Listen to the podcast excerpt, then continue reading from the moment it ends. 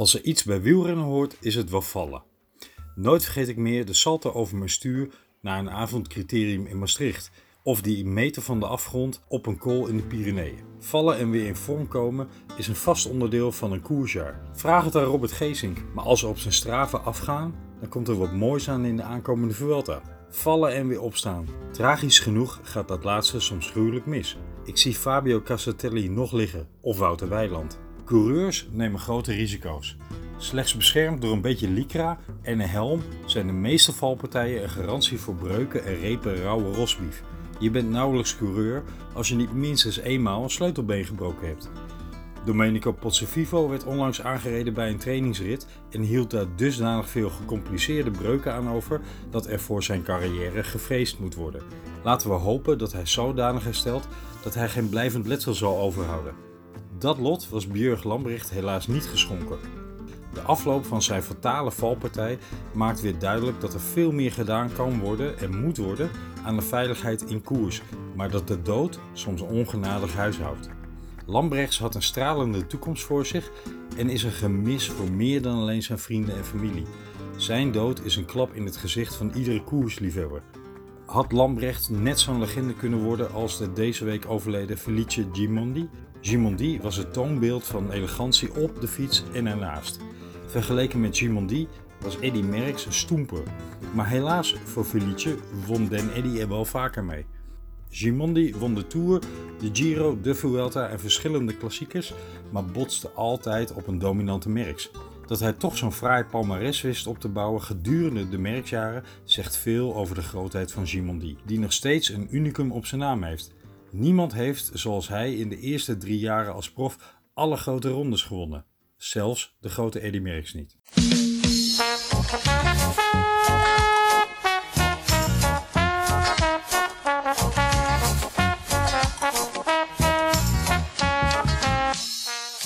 Ik droom koers, ik leef koers. Dokter Anne, ik heb last van velofilie. Wat velofilie is?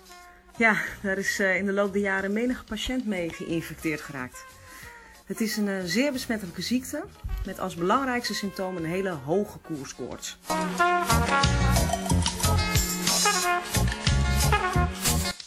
Velofilie dus. Zeer besmettelijk onder een groep fanatieke fietsvrienden. Samen zijn zij Velofilie. En dit is de Velofilie podcast.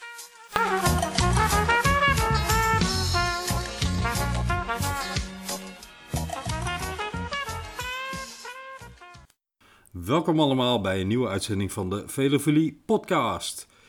En eh, naast mij zit weer traditiegetrouw inmiddels, maar eigenlijk tegenover mij. Ik zit tegenover je. Ja, je Ja. zit eh, tegenover mij. Nou, hallo Don. Hallo Camille. Leuk dat je er weer bent. Nou, echt. Want laten we wel wezen, jij zit eigenlijk bij mij. Ik zit bij jou. Ja, ook dat is traditiegetrouw. Zeker. Was een tijdje geleden. Inderdaad. We hebben elkaar voor het laatst gezien voor de podcast, een week of drie geleden. Dus een beetje komkommertijd. Net na de tour. Ja. Dus we hebben het een en ander te bespreken. Ja. Waaronder de afgelopen koersen die we even gaan nabeschouwen. Eh, we zullen even snel de agenda doornemen. We gaan even nabeschouwen op wat er geweest is de afgelopen weken. We gaan eh, een blik vooruit werpen op het komend weekend als de Vuelta start natuurlijk. Waarbij we onder andere voor jullie Scorito poeltjes ieder een gouden tip zullen proberen te geven. Doen we dat met eh, vreugde en jolijt of doen we dat met spijt? Een beetje spijt. Ja, toch wel hè? Ja, zeker. dat, dat bijt eigenlijk een beetje hè? Het is mijn gouden tip, hè? Ja, ja daarom. Maar eh, we hebben beide besloten dat we dat, we dat eh, aan jullie verschuldigd zijn, beste luisteraars. Leuk dat jullie weer luisteren. Wat doen we nog meer? We gaan het hebben over nou, de afgelopen koersen. En wat nog meer doen? Nou, wat gaan we nog meer doen? We gaan ook nog een, een prijs uitreiken. We gaan nog een paar prijzen uitreiken zelfs. Ja. Dat klopt inderdaad. Want er waren wel meerdere mensen die nog eh, wat hadden gewonnen. ja. Eh, waaronder eh Moi in Kluis. En wat heb jij gewonnen? Een heel lekker Spaans likeurtje.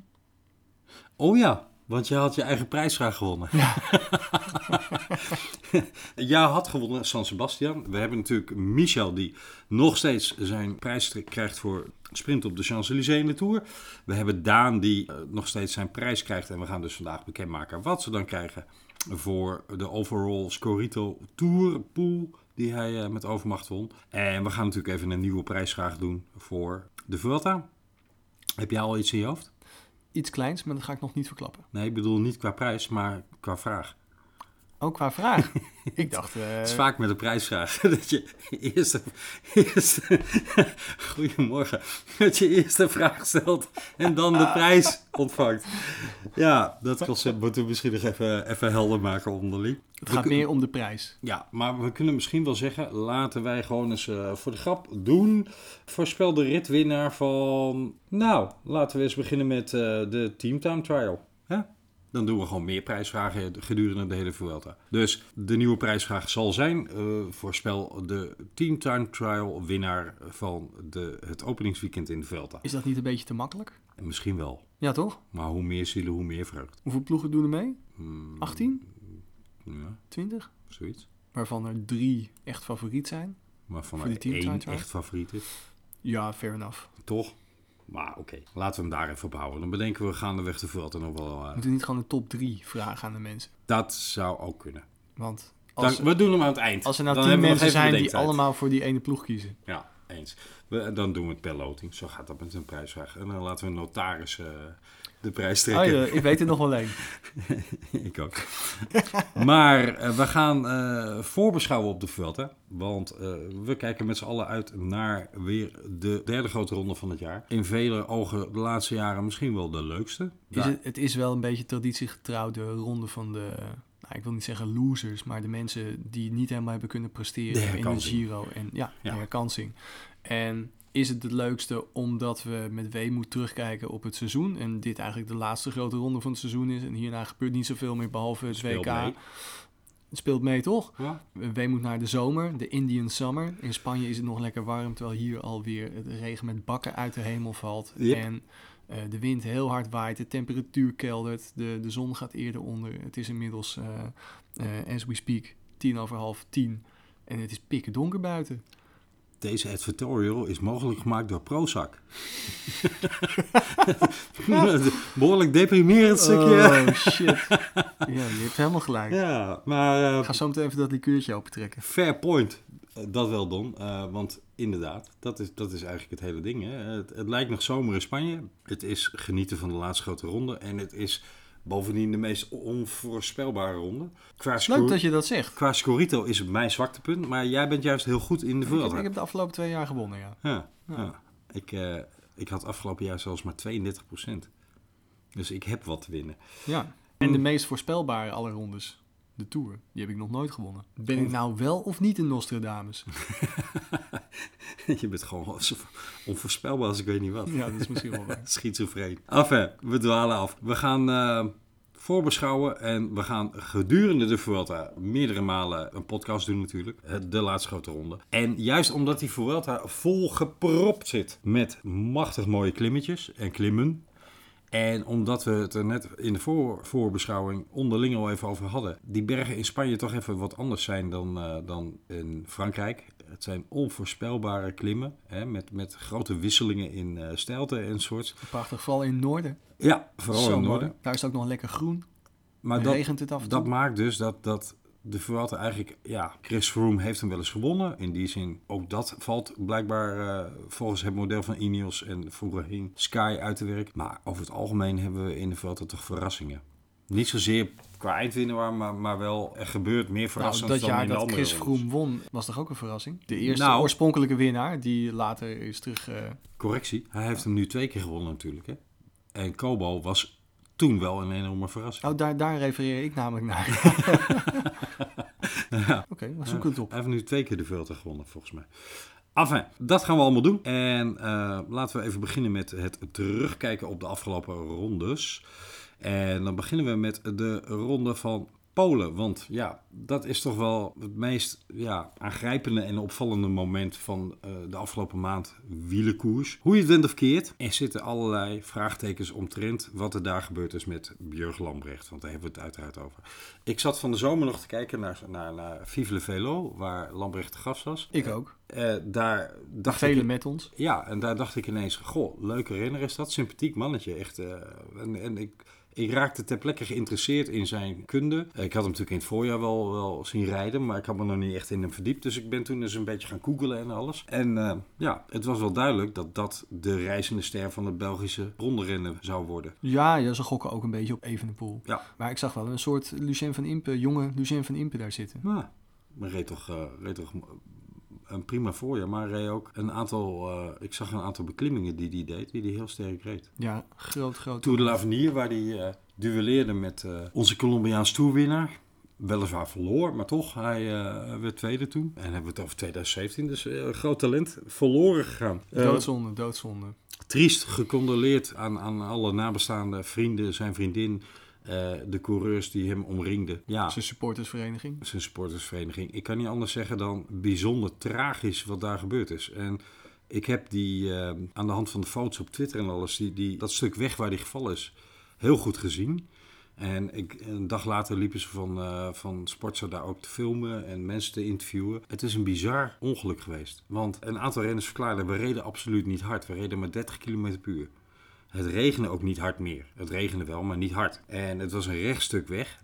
Iets naar beneden, maar niet dat je zegt ze gingen met 70 per uur naar beneden. Hij is om een of andere reden volkomen weerloos op dat stuk beton geklopt. Ja, maar lag hij niet in een soort gracht langs de weg? Ja, hij is op, op zo'n duiker noemen ze dat, hè? zo'n betonnen Ja, ja. buis geklapt. Dan zag ik eh, van de week bij de Bingbank Tour ook zo'n gracht langs de weg. Ja. Daar lag dan weliswaar geen duiker in, maar je kukelt er zo in. En dan, als je vanaf je fiets valt, val je zo twee meter naar beneden. Je hoofd naar de grond is dan wel minstens twee meter. Ja, Dus in maar wat, wat is je automatische neiging als je valt om te doen? Je handen uitsteken. Ja, ja, ja. En dat, dat schijnt hij helemaal niet gedaan te hebben. Dus hij is echt met zijn borstkas op die tonnen duiker eh, Ja. geklapt. En dat heeft al die schade veroorzaakt. waar Nou, hij, hebben eh, wielrenners daar wel vaker last van. Daarom breken ze allemaal sleutelbenen. Maar ja, wat dat betreft, eh, suggereer je misschien dat er iets met zijn met zijn hart was? Ik ben heel benieuwd wat daar uit het... Want de Poolse politie is verplicht dat te onderzoeken. Wat daaruit naar voren eh, gaat komen. Uit getuigenverklaringen en dergelijke. Ja, ik ben benieuwd. Ik durf daar zelf nog helemaal niks over te zeggen. Sowieso ben ik niet medisch onderlegd. Dus ik durf daar wat dat betreft ook niks over te zeggen. Maar ik denk wel, eh, je zegt dat ze reden niet zo hard. Eh, slechts 30 per uur. Nou, dat is inderdaad voor een wielrenner niet heel hard. Het is hard genoeg om heel lelijk te vallen. Dat wel. Naar mijn ervaring is dat hoe langzamer je rijdt, hoe naarder je val is. Ja. Want je valt loodrecht, loodrechter naar beneden op het asfalt. In dit geval een betonnen duiker. En als je snelheid hebt, dan, dan, dan kaats je een beetje van de weg af. Ja. Ik wil ook echt niks suggereren hoor, want dat eh, vind ik niet kies richting Björg Lambrecht en, en zijn nabestaanden. Maar het verbaast mij gewoon hoe dat allemaal gebeurd is. En, en eh, misschien is dat wel een beetje mijn ontkenning ook van het tragische wat er gebeurd is. Dat zou kunnen hoor. Maar ja, Ja, ik kan het ook heel moeilijk geloven. Dat zo'n jonge renner, zo'n groot talent heen gaat. Zomaar plots in zo'n eigenlijk niet zeggende etappe. Eh, Met alle respect voor de Ronde van Polen. Ja. Dat is gewoon verschrikkelijk. het is overschaduwde in ieder geval enorm de winst van Sivakov. Die eh, op zich op een fraaie manier op de slotdag eh, het een en ander naar zich toe trok. En daarmee bevestigt dat hij toch wel echt een, een opkomend talent is. Goed gezien van Ineos. Eh, maar dat, dat stond volledig in de schaduw van ja, wat er Ja, absoluut. Ja. Voor, voor mij is er niks anders gebeurd dan eh, Nee. het overlijden van Bjorg. En ik moet zeggen, ik vond de vele, vele sympathiebetuigingen die eh, van publiek, maar ook van, van renners onderling en alles kwamen. Inclusief bijvoorbeeld eh Laurens de Plussen, die zijn eh, winst opdroeg aan, aan Lamprecht. Ja, Hij was niet alleen. Mooi. Laten we dan meteen even door, eh, met- meteen doorgaan naar de Binkbank Tour. Want daar was het een en ander te doen, juist om veiligheid. Ook daar een aantal valpartijen. En de renners waren blijkbaar ook een beetje gealarmeerd door wat er in de Ronde van Polen gebeurd is. Enorm het gaan op Twitter. Een aantal hoor, niet het hele peloton, maar een aantal, met name over etappe 3. Veel te smalle straatjes, onveilig, slecht afgezet, geen signaleringsmensen op, eh, op rotondes of heuvels, eh, hoe noem je die dingen, drempels en dat soort zaken. Met andere woorden, men riep World Tour onwaardig. Ook in eh, kleinere koersen vind ik dat er altijd een, een, een hoe heet zo'n man? Signaleur. Ja, laten we het maar zo noemen. Ja, dat er een politieman met een vlaggetje op een vluchtheuvel staat. Dat Ja. is absoluut super belangrijk. Ja. En dat eh, de paaltjes die eh, uit de grond geschroefd kunnen worden, dat die er ook uitgeschroefd worden. Absoluut verschrikkelijk. Ja, je, zag, je zag het nog wel eens in de, het Verenigd Koninkrijk of eh, bijvoorbeeld Polen. Gewoon, gewoon landen waar niet heel vaak grote koersen worden gehouden. Maar inderdaad, bij de Bing Bang Tour mag dit niet gebeuren. Nee. Nee. Wat ik wel ironisch vond, is dat Gianni Bugno, de, de voorzitter van de eh wielervakbond, zullen we het maar even noemen, waar menig coureur zich de afgelopen jaren van heeft afgevraagd, wat doen die in hemelsnaam? Coureurs zijn verplicht een bijdrage te leveren aan die vakbond. En er zijn vele namen, waaronder grote, die hebben gezegd: wat doen die gasten eigenlijk voor dat geld dat wij aan ze afdragen? Heel weinig. En juist die Gianni Bugno, die kwam, en dan vind ik het toch ook wel een beetje ruiken naar opportunisme. Die kwam ineens heel erg in het geweer. En die was heel erg bezig met, nou, misschien gaan we zelfs wel niet starten in de laatste etappe. Als er geen oplossing komt voor het vraagstuk veiligheid enzovoort. Die oplossing komt er. In die zin, ze gaan volgend jaar stuurgroep, of ze gaan een stuurgroep in het leven roepen om het parcours van volgend jaar eh, veiliger te maken. Daar zal onder andere Krek van Avermaat eh zitting in, neem- in hebben. En nog wat oud-coureurs zullen hun mening vormen. Ze gaan dus van tevoren de etappes aan ze voorleggen en kijken van oké, wat kan er beter en wat, wat moet er eventueel uit. Is op zich geen slecht plan natuurlijk. Dat is fantastisch nieuws. zouden ze misschien Ja. wel met elke koers moeten doen. Gaan ze nu dan eindelijk die dranghekken met die pootjes eh, eruit gooien, denk je? Dat mag toch wel stap nummer één zijn, hè? Allemachtig, wat zijn die dingen gevaarlijk. Dat is, ik snap er echt niks van. Nee. Hoeveel mensen zijn er wel niet over gevallen? Eh, ja, Je ziet bijna wekelijks zie je daar beelden van. even los van Wout van Aert, hè, die door zo'n ding eh, half gekliefd werd eh, in zijn been. Maar ehm, ja, nee, die- hoe eerder die dranghekken, maar ja, wat heb je als alternatief om ze neer te zetten? Met betonnen, betonnen poten. Nou, ze hebben al een tijdje die dranghekken en dan zetten ze de reclameborden er schuin tegenaan. Zodat je niet Dat de die- pootjes niet uitsteken. tussen ja. die pootjes inkomt als je een keer een kwak krijgt. Ja. Ehm, ja, dat, dat vind ik al een prachtige oplossing. Ja. Maar wellicht dat je gewoon een hele ander soort eh, dranghekken daarvoor kan eh, ontwikkelen. ja, dat We is... hebben het over het algemeen slechts over de laatste 2, 300, 400 meter voor de, voor de meet. Ja, nou ja, Dat laat, echt laat het twee kilometer zijn. Dan nog. Ik bedoel, Ja, Maar goed, eh, het is duidelijk dat er aan veiligheid een hoop kan verbeteren en moet verbeteren. Ehm, en dat, dat het, het, het is een beetje schrijnend. Hè? Dat we hebben de afgelopen jaren best wel een aantal coureurs weg zien vallen. Ofwel door aanrijdingen met auto's, ofwel door eh, in en buiten de koers. Eh, we hebben onlangs weer Potso Vivo die helemaal aan gort gereden wordt door een... een, eh, een, een oh, dat bedoel je buiten de koers op trainingsritten. Op trainingsritten. Ja, Scarponi. Scarponi die overlijdt. Ja. We hebben die jongen van eh, Jumbo-Visma die eh, eh, nu uitgeschakeld is. Ook geschept in Andorra. of in, in, ja, in Andorra volgens mij. Ehm, maar Welke, welke jongen is dat? ja, ik ben even zijn naam kwijt. Altijd leuk als je het dan naar voren brengt en de naam niet hebt. Maar goed, Taker van der Hoorn. Oh, Die, die is uit roulatie, want die heeft ook het een en ander gebroken door een aanrijding. Maar we hebben natuurlijk ook in koers, Stig Broeks en, en, en nog een aantal eh, mensen eh, aangereden zien worden door motoren enzovoort. Dat is een item. Eh, renners rijden op de openbare weg. Alle weersomstandigheden spelen mee. Ze rijden in pakjes waar of daar nou door een of andere TU wat stripjes opgezet zullen worden die, die wat beter glijden over het asfalt. Het is een stuk lycra om je heen en meer niet. En een valhelm. Hè? nee, je bent praktisch naakt. Dat bedoel ik, je bent enorm... Die helm zal iets helpen, Ja, maar ja, in sommige gevallen helpt die niet eens meer. nee, nou, de, de, de, ironie vind ik dat de kwetsbaarheid van de coureurs is evident. En dat ze, dat ze al een aantal jaar bezig zijn over hoe maken we dat veiliger, helemaal prima. Ehm, dat ze daarmee ook zeggen, parcoursen moeten veilig zijn. Wring ons niet met een aanstormend peloton een kilometer voor eh, een eindsprint eh, door een S-bocht heen, bijvoorbeeld. Helemaal akkoord. Met een vluchtheuvel en een paaltje. Exact.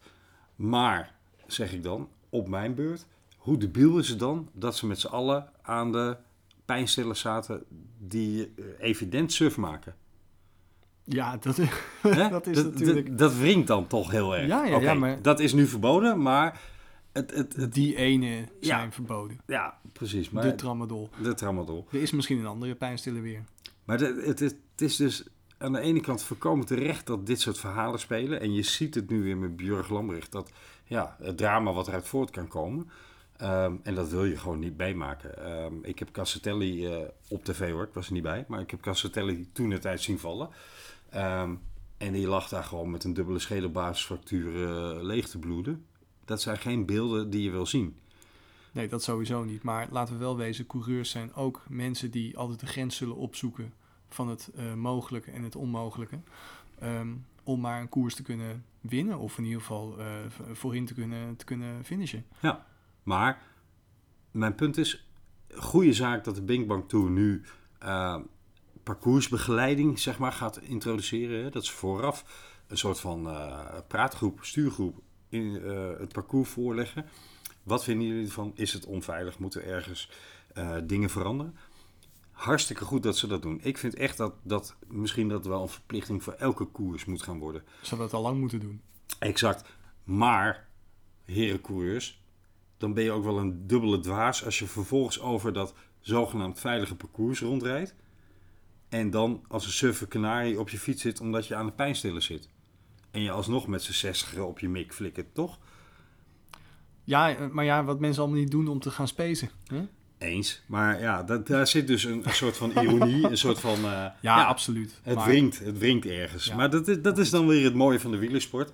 Niets is uh, een simpele waarheid of een simpele kijk. Alles heeft een dubbele bodem. Uh, en je kunt, je kunt op elk verhaal, je kunt elke munt een keer omkeren en dan komt er een andere waarheid naar boven. Maar goed, Binkbank Tour dus, veiligheid. Nou, wat vond ik mooi aan de Binkbank Tour? Uh, wat vonden we daar mooi aan? Nou, Laurens de Plus. En eigenlijk is dat het wel wat mij betreft. De, die, die laatste etappe was prachtig. Ja. Ja, dat was echt een heel gave uh, trojka. Ja. Voorop met die drie uh, Vlamingen. van Avermaat en Nazen werd nog niet helemaal benadrukt volgens mij dat het trainingsmaatjes zijn. Um, nee, hoewel Van Avermaat niet zo heel happy was met zijn trainingsmaatje hoor. Die had, nou, had er graag gewonnen. Ah, hij trok lekker de sprint aan voor hem, uh, dacht ik zo. Ik, nou, gaat Krek de laatste tijd wel vaker uh, van kop af uh, die sprint aan. en daarom wordt hij steeds tweede misschien. Hij is, maar... niet, hij is niet heel erg in een winning mood dit jaar. nee, oké, okay, maar Nase die wint ook helemaal nooit wat. Nee, true. Dus echt, hoe, hoeveel jaar is dat geleden dat hij een World Tour koers won? Ja, dat is tijd geleden. Ja. Dus ik denk dat ik hem ook wel een beetje gunde. Um, en misschien dat Lowens de Plus nog ergens een potje had.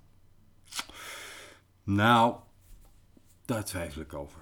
Denk je? Ja. Zei hij niet, hé hey jongens, even lekker meerijden en dan uh, verdelen ja, we zo meteen wat? dat zou wel kunnen, dat zou wel kunnen. Dat is een ongeschreven wielerwet, hè. Ik de trui, jullie de etappe. Ja, ja, maar misschien dat uh, Jumbo-Visma ook nog een potje ervoor had. Nou, het is ja. wel de Binkbank en het is voor Jumbo-Visma een hele belangrijke koers. Dus ja. een soort thuiskoers. True. Misschien en, wel de enige thuiskoers van het jaar. En het, is, het, het, past wel in hoe Jumbo aan het ontwikkelen is als, als, uh, als ploeg die de koers wil domineren. Dus in dat opzicht zou het goed kunnen, ja. ja.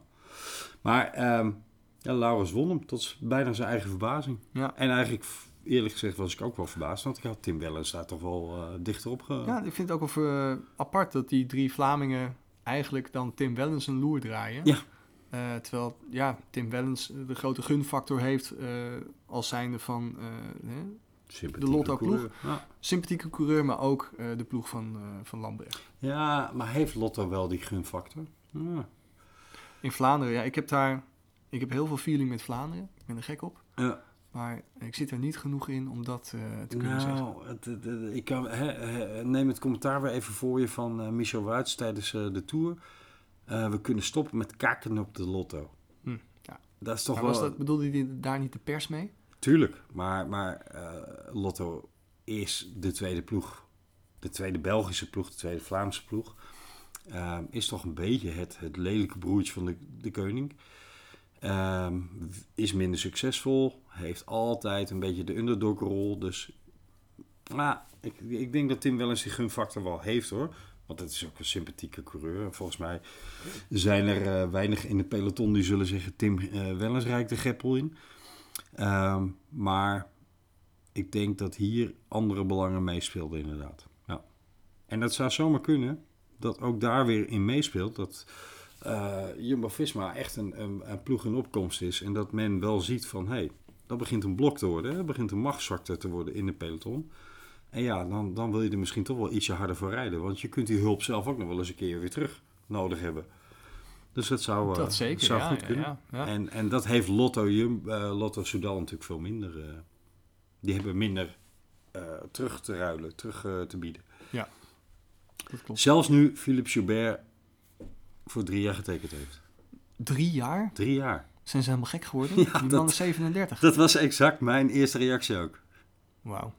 Alejandro eh Joubert. eh, die, die gaat gewoon tot Ik zijn ben heel 40ste. benieuwd wat voor clausules er allemaal in dat contract zitten dan. Ja, of die wel presteert bedoel je. Ja, bijvoorbeeld, ja. En dat ze hem anders kunnen laten gaan. Nou, ik denk dat ze hem echt wel graag willen hebben voor Of dat hij fysiek nog wel aan kan. Eh, hoe heet die manager ook weer van, eh van Soudal? Eh, die zei, eh, het geheim is, eh Mark Sergeant, die zei het geheim is, eh, hij is nog gretig. Hij heeft nog een hoop bewijsdrang. en toen dacht ik, eh, rijden, rijden niet 199 naast hem die dat ook hebben? Of, eh, Is hij, is hij weer vrijgezel? hij bedoelde op de fiets. nee, maar ehm, ik, ehm, ik, ik denk dat het verstandig is voor Gilbert. Dat wel. Ja, het is tijd, set ook van, van Lotte. tijd voor, eh, voor een nieuwe ploeg voor hem. Klopt. Ja.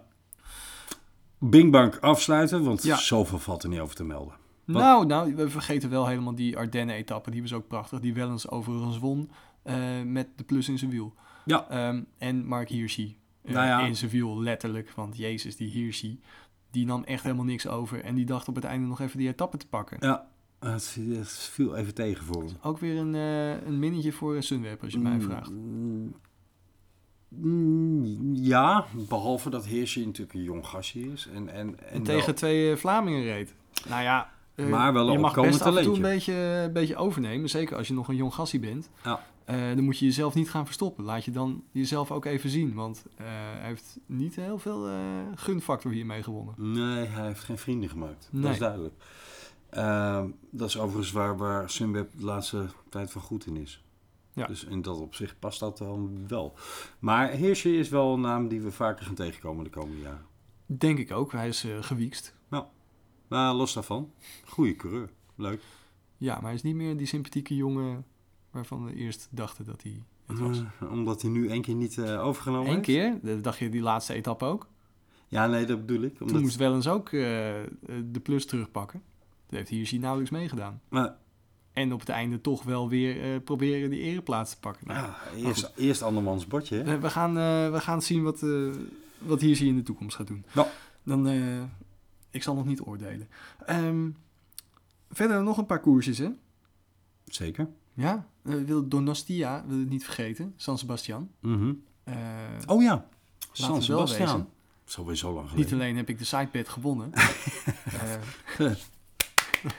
Applaus nog, De sidebed was voorspel het podium van San Sebastian. Ja. En we hadden een aantal inzendingen, wel een stuk. Ja, een stuk tien of zo. ja. Ehm, het is natuurlijk heel veel. Een podcast met maar één luisteraar vind ik dat wel best wel veel. Jij, Ehm, met- jij met je één luisteraar. Even voor de goede orde. Voordat mensen nou echt denken dat er maar één luisteraar... Nou trouwens, als je dit hoort en jij denkt... ik ben niet die ene luisteraar. Dat klopt. Dan ben jij eh, een van de... eh, nou, toch groeiende eh, aantallen die naar onze podcast luisteren. Superleuk. Ehm we, maar het is niet te meten.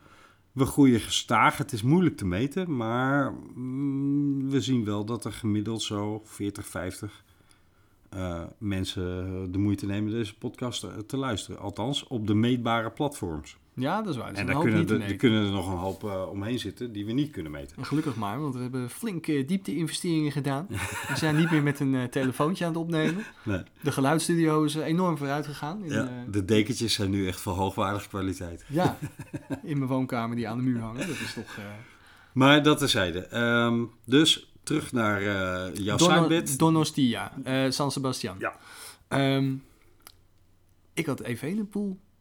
Evenepoel had ik op drie. Ja, hoezo zeg je Evenepoel? Ja, ik weet het ook niet. Ik, ben, eh, ik, ik lees het voor en eh, ik, ik mis de klemtoon helemaal. Nee, want eh, ik luister naar een podcast van een paar schotten en die zeggen Ivan, Ivanepoel. Oh, maar ze zeggen wel poel. Ja, dat Niet- dan. niet ja, Poel. Poel. Poel. Nou, ze kennen natuurlijk Mathieu, Ja, dus ze weten hoe je poel uitspreekt. Van de Maar Ivanepoel is het dan. Ja, Ja.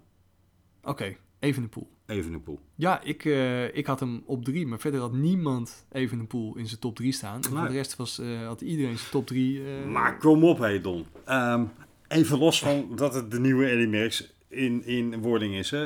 de wederkomst van Eddy Merckx. Of Frankie van de Broeken. Frank van den Boeken? Ja? Dat, dat mag ik toch voor, voor eh, Remco hopen van niet? Nee, maar daarom, de, de, de tijd zal het leren. Nou, Gaat hij gek worden omdat hij eh, op 19-jarige leeftijd in één keer van alles wint? Of gaat hij door als een Eddy Merckx en eh, wint hij totdat zijn lijf het niet meer eh, wil? nou eh, even, even de logica voorop. San Sebastian is 240 lang, toch? Het is Zoiets. een flinke koers, de langste die hij ooit heeft gereden. Dat, dat is één. In zijn eerste jaar bij de profs. Dus hij maakt een stap van eh, kleinere verzetten en korte koersen. Plus een heel andere manier van koersen. Want laten we wel zijn, pro-continentaal is een andere manier van koersen dan bij de profs. Ehm, hij maakt eigenlijk op drie fronten Zeker een voor hem stap. trouwens. Ja, op drie fronten maakt hij een stap. Ja, eh, eh, dat valt dus tegen. Jij refereert aan dat hij daar iedereen op een kwartier reed. Maar dat doet hij, nou, het zijn geen kwartieren meer, maar hij rijdt nog steeds het hele spul aan gooit. Ja, ja, ja, oké. maar dat hoort een beetje bij eh, San Sebastian. Dat je wegspringt op die laatste beklimming en dan wegrijdt. Ja, maar verwacht je dat van een 18 of inmiddels 19-jarige jongen? Nee, natuurlijk niet. Nee. Nee? En verwacht je dat hij dat volhoudt? Nee. Nee? Nee, het, het, het, strookt niet met de logica. Dat je je benen, je knieën, Er je komen, man- er komen mannen uit, uit de Tour die drie weken hardheid hebben opgedaan. Eh, die nog steeds in die vorm van de Tour zitten. Want één week daarna eh, niks van je vorm uh, je supercompensatie. Dat bedoel ik.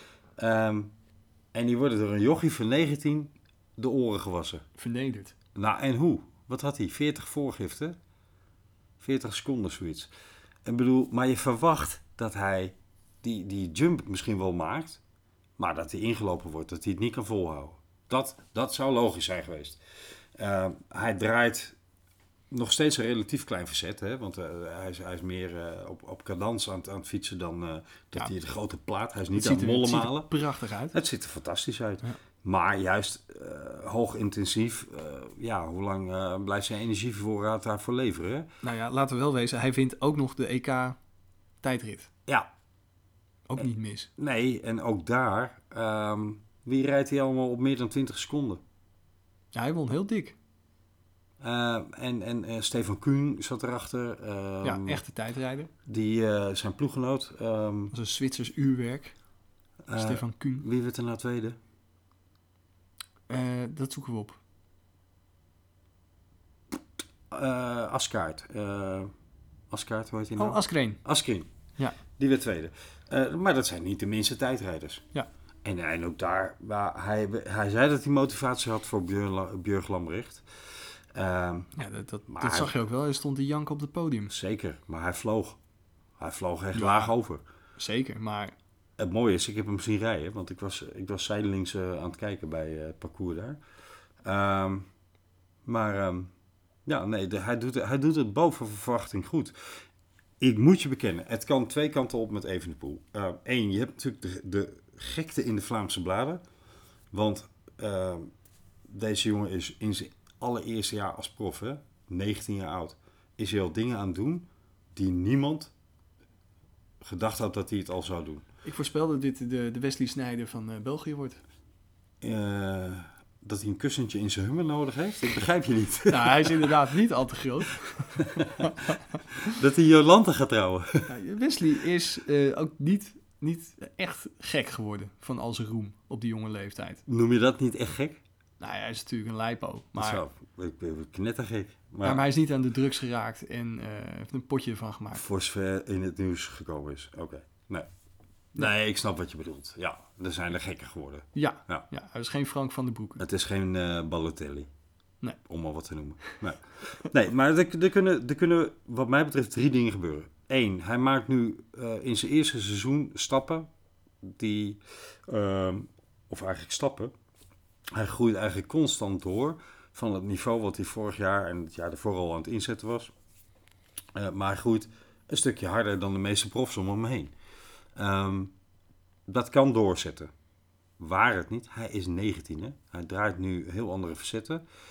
Als deze jongen niet in bescherming genomen gaat worden door de koning, als ze hem vanwege het succes te veel gaan inzetten, dan heb je kans dat hij op zijn 22 een dubbele knieoperatie nodig heeft. Misschien gaan we nu wel eindelijk zien, is Lefevre nou echt... eh, De talentenbrenger. lieve- nou ja, en die lieve oude man die ook het belang van zijn renners eh, in acht neemt. Wacht even het, hoor, wacht even.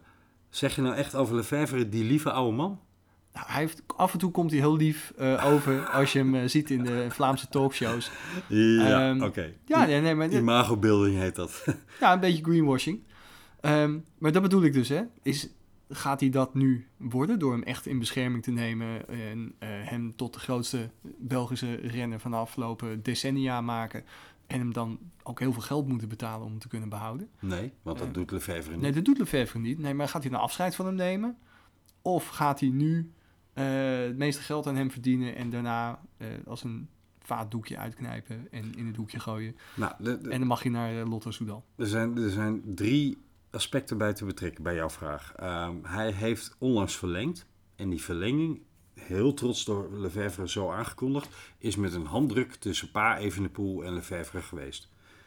Als ik Pa Evenepoel was geweest, dan had ik even mijn vingers geteld na die handdruk. Want als er nou iemand een gekwiekste, eh, een gehaaide, zo niet een achterbakse, nou dat is het verkeerde woord misschien, maar eh, Lefevre is een man van zijn woord, maar hij zal never te nooit meer betalen dan dat hij vindt dat iemand waard is. Dus als jij beter gaat presteren dan dat hij vindt dat hij budgetair kan geven aan je, Hij is goed met geld. hij, Ja. hij, hij is goed in het bewaken van zijn budget, ja. En Ja. eh, desnoods gaan ze dan maar lopen. Silo is de plus. Hè? Ehm, Ja, maar en toch blijft hij winnen. ja, ja. Dus Zeker. eigenlijk is het gewoon een hele goede ploegleiding. Maar eh, ik zou, als ik de familie Evenepoel was, dat niet met een handdruk. Nou, ze zullen ongetwijfeld ook wel het een en ander op papier gedaan hebben. Maar Oh, reken maar. hè, het klinkt bijna alsof het heel ouderwets was. Evenepoel, die het, heeft een, eh, eh, Lomme Driessen was die, die even met een jute zak met, met geld op tafel kwam. en hops, klits, klats en het is beklonken. Nee, zo was het natuurlijk niet. Ehm, Nee, maar ik denk dat Evenepoel nog, eh, nog steeds dezelfde zaakwaarnemer heeft als toen hij bij PSV voetbalde. hij heeft geen zaakwaarnemer. Nou, daar geloof ik niks Nee, van. zijn vader. Ja, zou het echt? Zo brengen ze het in ieder geval. Of is, is zijn vader een eh, voetbalmakelaar? Eh, voor zover ik weet niet. Ik heb, maar ik heb me ook nooit verdiept in zijn PSV-achtergrond hoor. Absoluut niet. Ehm, het is uh, hè. Ehm, maar eh, de, de, het kan twee kanten op met hem. Hij kan, eh, nou sowieso, dat, dat wordt een interessante vraagstelling binnen eh, de Koning. De Koning is per definitie geen ronde ploeg. Hè? Enrique Mas vertrekt naar, naar onze Spaanse vrienden. ehm, Moby, Star. Movistar.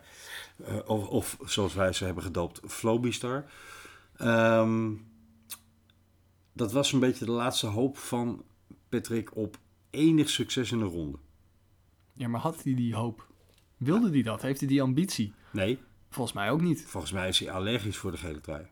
Ja, niet alleen de gele trui. Voor elke Ook de, ook de, leiderstrui. ook de groene en de... Maar dat is dus het vraagstuk. Ehm, gaan ze Evenepoel klaarstomen om, om eh, een nieuwe ehm, Roger de Vlaming te worden? Of een Eddy Merckx in het voorjaar?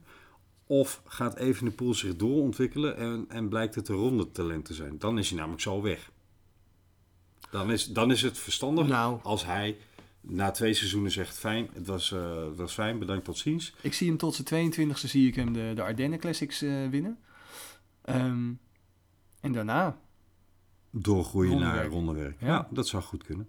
En dat, dan is hij eh, zo'n beetje al klaar volgens mij bij eh, de koning. Maar de, die, die vraagstukken lig- liggen voor ons.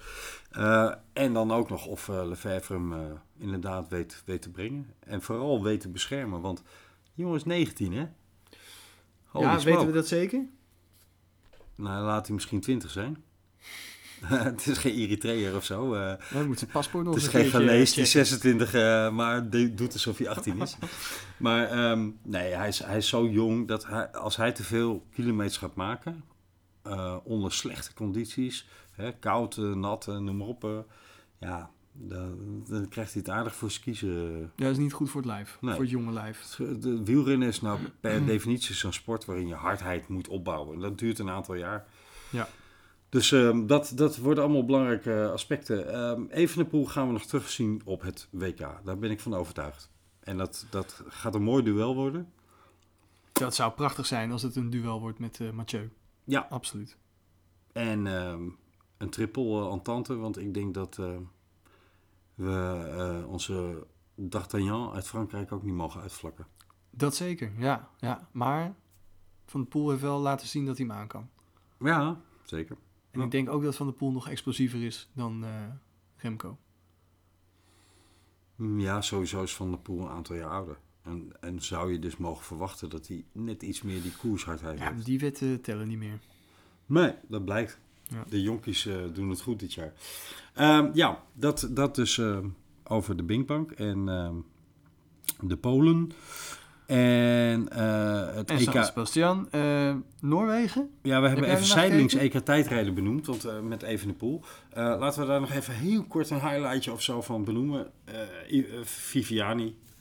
Ja, leuk. Ja, leuk. Ehm, Ik moet zeggen, ik vond het eerlijk gezegd een beetje een flop. het, Het was, was- het was echt een Mickey Mouse parcoursje. Ja, weliswaar uitgezet door, eh, door Terpstra en door eh Laurens. Ja, maar eh, Terpstra had niet de bedoeling dat die Munnikenweg... eh dat mensen over die klinkertjes gingen rijden in plaats van over Nee. de kasseien. Ze hebben ook gezegd, hè, of Laurens ten Dam heeft gezegd, we hadden suggesties gedaan hoe ze dat konden afzetten, maar dat hebben ze niet Ik gedaan. denk dat Nicky een enorme facepalm heeft gedaan.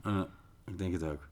Ehm, de wind maakte dat het nog enigszins leuk was. Vooral bij de dames, Ja. die wint. Ondanks de tactieken van de Nederlandse dames. Nou, speaking of de dames, dan komen we wat mij betreft op het enige hoogtepunt van dit EK. Wat een bizar koersverloop was dat. Eh, vorig jaar op het WK, precies hetzelfde verhaal. Was het niet ook het EK? Eh, dan was het ook het EK en het WK. Ja? Ja. En dat nu, het de Nederlandse vrouwen achter hun... eh, ja, en dat, dat noemen ze dan druk zetten. ja, Ik, onzin. Ja, en, eh, en, dan, en dan op, op 40 seconden er ineens weer helemaal Vorig jaar hebben ze ze teruggepakt en toen verloren ze de sprint. Ja. En nu liet ze op 40 seconden, ze reed een gat van 2 minuten dicht, naar, of dicht naar 40 seconden. En daar eh, waren ze ineens niet meer eh, aan blok eh, vooraan te vinden. Dus besloot ze alsnog, laat de koers nu maar ontwikkelen. Ja, heel, heel eigenaardig. Ja, Het, het lijkt alsof, ehm, hoe succesvol die dames individueel allemaal zijn. En ik, ik moet zeggen, ik geniet enorm hoor van eh, alle prestaties. Eh, Ellen eh, van Dijk die weer wint op de TT. nou, de dames die van Vleuten, van de Breggen enzovoorts. Vos die weer behoorlijk terug is. Hè? ja die- het kan mij niet genoeg mee. zijn, want ik, ik geniet er echt van. En ik vind de dameskoersen over het algemeen misschien wel leuker om te zien qua koersverloop dan het herenkoersen. Hè, er wordt gewoon nog aangevallen op een Is dat manier. geen chauvinisme, omdat er alleen maar Nederlanders winnen? Want je vergeet nog eh. Kirsten Wil te noemen. Ja. Amy Pieters die wint nu het EK, ook een baancoureur trouwens. Ja. Eh, net als Kirsten. Ehm, en eh Wiebes. Nee, maar het chauvinisme speelt zeker mee. Absoluut. Oké. Maar Want ik denk dat de, de Vlaamse mensen minder graag naar de dameskoers kijken. Ja. Omdat er alleen maar Hollanders winnen. Ja, maar die hebben dat weer met, met het veldrijden hè, of de cross. eh, Ja, maar er winnen ook alleen maar Nederlandse dames. eh, bij de dames, ja. Nee, Kamp, die oké, wint dan ik het bedoelde, WK. meer- ik bedoelde meer bij de heren. Ehm, maar Er winnen ook alleen maar ja, Nederlanders. het is een slecht voorbeeld dit jaar wel, ja. nou, maar de cross is over het algemeen eh, door de jaren heen gedomineerd. Zeker een. Vlaamse aangelegenheid, Ja, absoluut. Ja, ja. En bovendien zijn de mooiste crossen in België. Zo. Maar de, de, de, de dames lijken elkaar het niet te gunnen, omdat ze denken: je rijdt het hele jaar met zo'n trui rond. eh, en die wil ik niet in de andere ploeg terecht zien komen. En, en volgens mij speelt dat ook een beetje een rol in dit hele verhaal. Ik vond het in ieder geval bizar. En ik heb een aantal commentaren gelezen op eh, eh, die race. En niemand kon er ook maar enig zinnig woord over zeggen. Behalve dan absurd. Wat vond jij van die, die drie dames die naar de meet reden? Die Italiaanse, die Nederlandse en een... Help me. Eh, was dat een Duitser? Een Duitse inderdaad, ja. Ehm, ze rijden naar de meet, ze gaan sprinten. En ze hebben alle drie nog flessen in hun frame. Ja, dat viel me ook op. Die bidons. Zelfs die Duitse had er zelfs nog twee. Ja. En die gooi je toch weg? Weet je, het is marginaal hè, wat je, ik wat zit je even daarmee te denken, want ik, ik, Het, eh, ik, het is ik heb misschien daar, eh, ik heb daar de 200 gram wat, wat je mee, eh mee sjouwt. Ja. Maar eh, ik zou zeggen, Weg met die fles. Volgens mij hadden ze ehm, wind tegen op dat stuk richting finish. Kun je ook bedenken van ja, wat maakt die 200 gram daar eigenlijk uit? Nou ja, als het heen en weer klotst. Ja. Ik denk wel dat het uitmaakt. Eh, bij Dat bij, is een de, stukje professionaliteit. bij de ik. mannen zou je gezien hebben dat ze hem wegmieteren. ja, eens. Eh, maar goed, eh, laten we. eh, dit klinkt bijna weer marginaliserend of, of eh, denigrerend richting de vrouwen. En dat vind ik dan weer niet fair.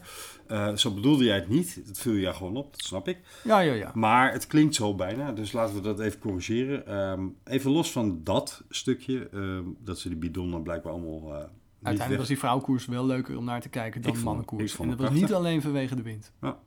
Het was spannend, om bizarre redenen, maar het was zo spannend. En de Ja. mannenkoers, eerlijk gezegd, is geen enkel moment ontbrand of ontplooid. Viviani won. Dat, Ja. is, dat is de, de conclusie. En meer ook niet. Eh, we zijn eigenlijk al te lang met het EK bezig. Ja, laten wij onze blik eens... ehm, nee, laten we even... Wat gaan we doen? Gaan we de prijzen doen of gaan we de Vuelta doen? Zullen we nog één keer iets over het EK zeggen? Ja? Afrondend? De, de, de voormalig eigenaar van mijn fiets, die werd Oh ja. 16e. Ja, vertel. Nou ja, dat is gewoon, wou, wou ik even benoemen. Goeie eh, Oliveira. Ja. De, de In de weg zitten. In de wegrit, Ja. ja. Ja, Ja. Je hoort nooit wat van hem. Hij rijdt voor Emirates.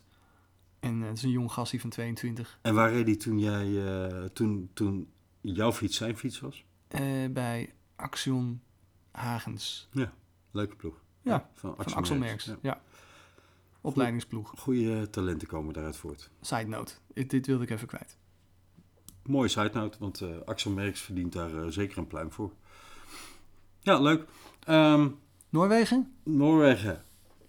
Ik, ik, ik kan er nog steeds met mijn pet niet bij. Wat een fenomeen is eh Evenepoel, absoluut. Maar ook, alsof het in de naam zit, wat een fenomeen is, Rem, eh, is Remco van der Poel. Remco van der Poel. Het zou een mooie mix zijn. Nee, Mathieu. Mathieu van der Poel. Eh, die goede man stapt na een voorjaar waarin hij toch het een en ander voor elkaar gebokst heeft. Stapt na, ik geloof twee weken rust op een mountainbike. Wint eindelijk van Nino Schuren het een en ander. Eh, sterker nog, het een en ander. Ik geloof dat hij 12 van de 15 ritten waar hij aan deelnam op een mountainbike gewonnen heeft. Ehm, besluit dan goh, laat ik vanwege het aankomende WK toch weer eens op die wegfiets gaan zitten.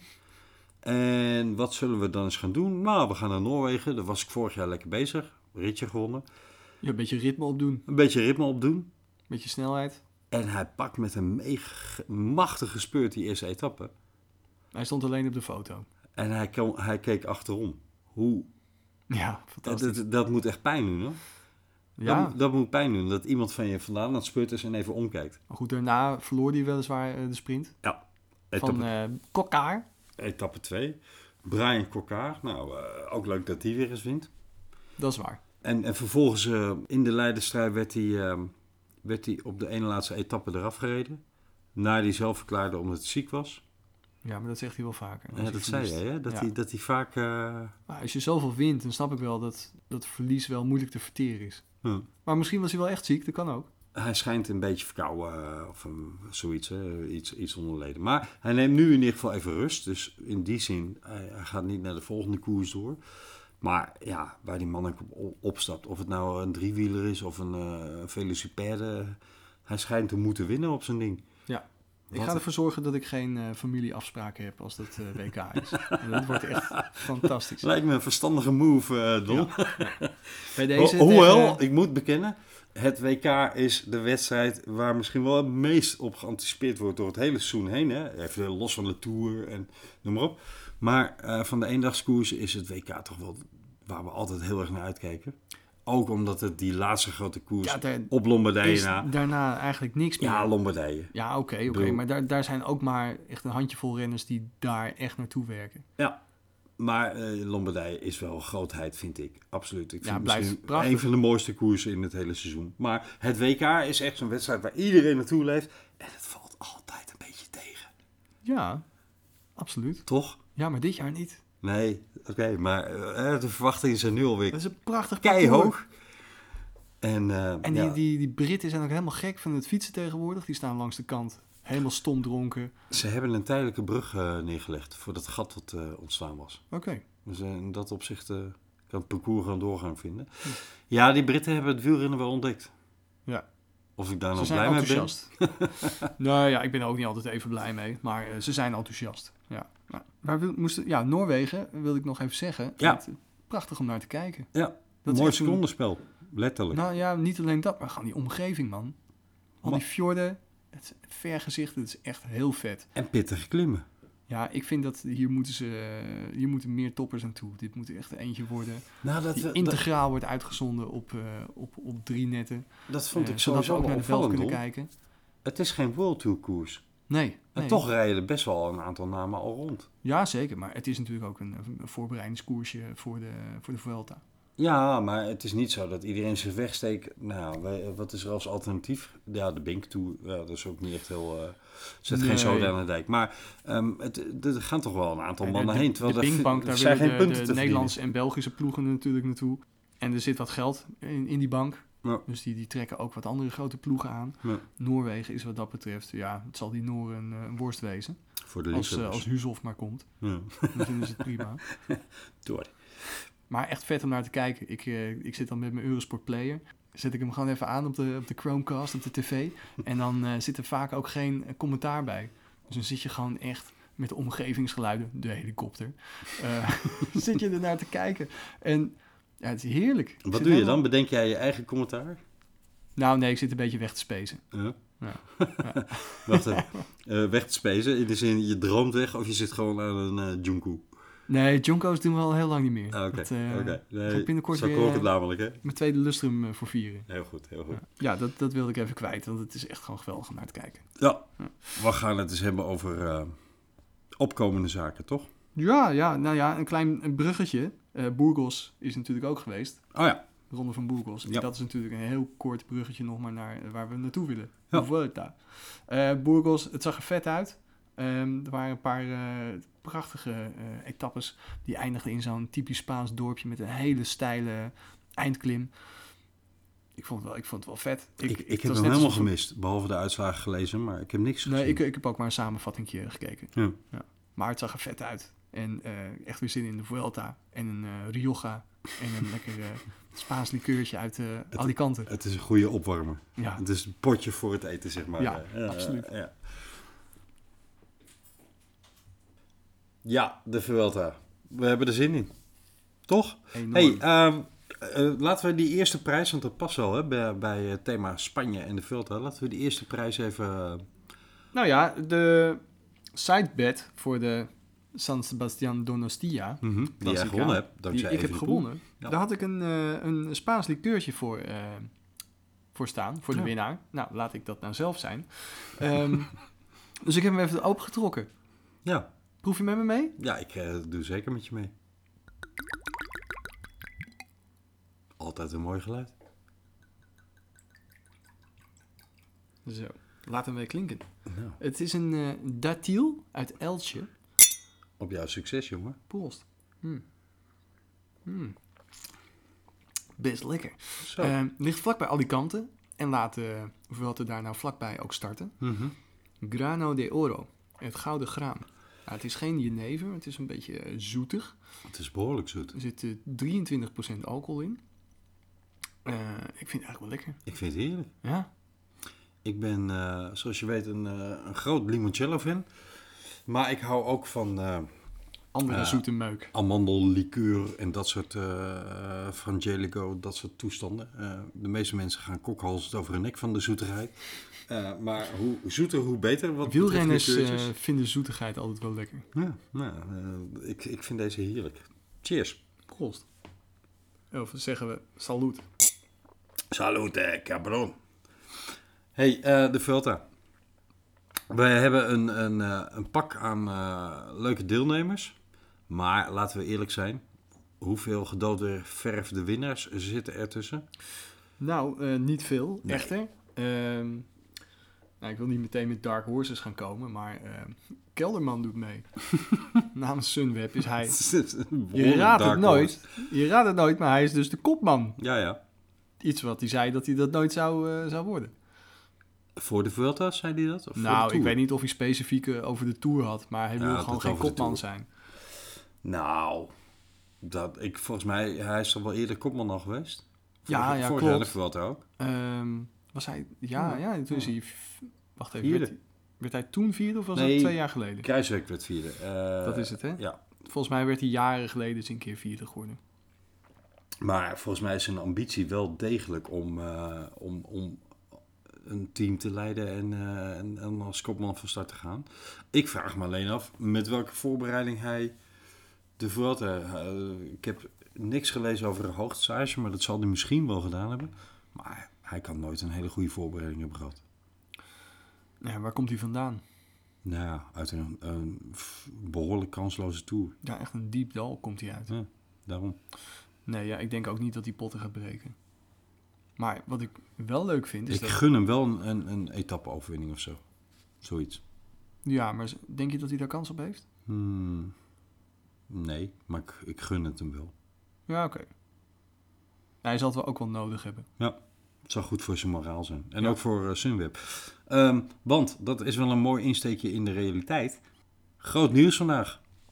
Het gaat dan weer niet over de Vuelta, weliswaar. Nee, over Sunweb. we, we kunnen er niet omheen. Nee, als we het ja. toch over Sunweb hebben. Het is vanmiddag. Maar het is ook eigenlijk geen nieuws. We hadden het eh, twee maanden geleden Nee, al. maar vanmiddag is wel de kogel door de kerk gegaan. Eh, voor, Dumoulin gaat naar Jumbo-Visma. voor drie jaar. Ja. Drie jaar, ja. En eh, eerst kwam er nog een, eh, een aankondiging van Sunweb van eh, we gaan ieder ons weegs. En eh, binnen een kwartier was duidelijk dat hij voor drie jaar getekend had bij Sunweb of bij eh, Jumbo-Visma. Ze hadden nog eh, een goede tijdrijder nodig. Ja, ik vind het een goede zit. Ik vraag me af of, eh, ik vind voor Dumoulin een goede zit. Ik vraag me af of het dat voor Kruiswijk ook is. In dat opzicht gaat het voor Kruiswijk ook wel eh, in een bepaald opzicht spannend worden. Wat hij een klassement nu rijdt in de Vuelta. Want hij gaat er als schaduwkopman heen. En dit zou wel eens, vooruitblikkend op volgend jaar dan, zijn rol kunnen worden. Zou je denken? Ja, dat vrees ik een beetje voor hem. naast de derde plaats in de Tour? Ja, toch. Ja, ja, ja. Kijk, eh, Dumoulin is een, eh, is een ronde winnaar. Ehm, bewezen ronde winnaar. Heeft eh, twee keer tweede gedaan vorig jaar. Roglic maakt stappen ja, waarvan ze elke keer zeggen... het verbaast ons ook weer. Dus die zien ze denk ik als, als eh, meer potentieel groeibriljant dan, eh dan Ik Kruiswijk. wilde net dat woord in de, in de mond nemen. Ja. De groeibriljant. Ja, precies. En in Kruiswijk eh, zijn ze aan polijsten. En dat polijsten maakt dat hij van vierde, derde wordt enzovoorts. Maar hoeveel stappen kan hij nog maken? Ehm, ik, ik ben ervan overtuigd, had hij die Giro in 2016 gewonnen, dat hij inmiddels over die psychologische drempel of zo heen was. En echt zou strijden voor, eh, voor meer dan alleen podium. Maar ik zie hem daar volgend jaar best wel in het gedrang voorkomen. Het zou wel een hele goede knecht zijn, hè? Echt Eh, een meesterknecht. Dat, dat, met, met recht en reden een superknecht. Ja, Zo, ja, goedemorgen. En God, dan heb je wel een mooi treintje. dan heb je dus de plus, Bennett, hè, die toch ook Ja. wel top 10 eh, gereden heeft eh, in, in, in alle rondes. Nou, in alle, ja, in alle, hè, volgens mij.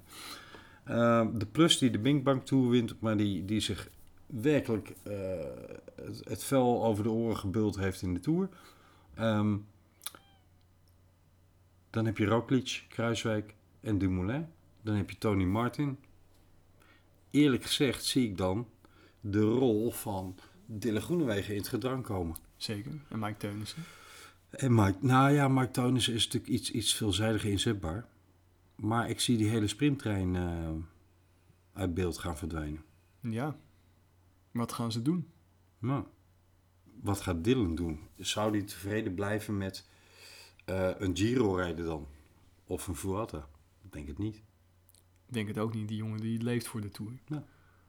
Dat is een soort... Nou ja, nee, ga ik niet zeggen. Maar dat, dat eh, zijstraat dit, maar dat, dat wordt nog wel een ding.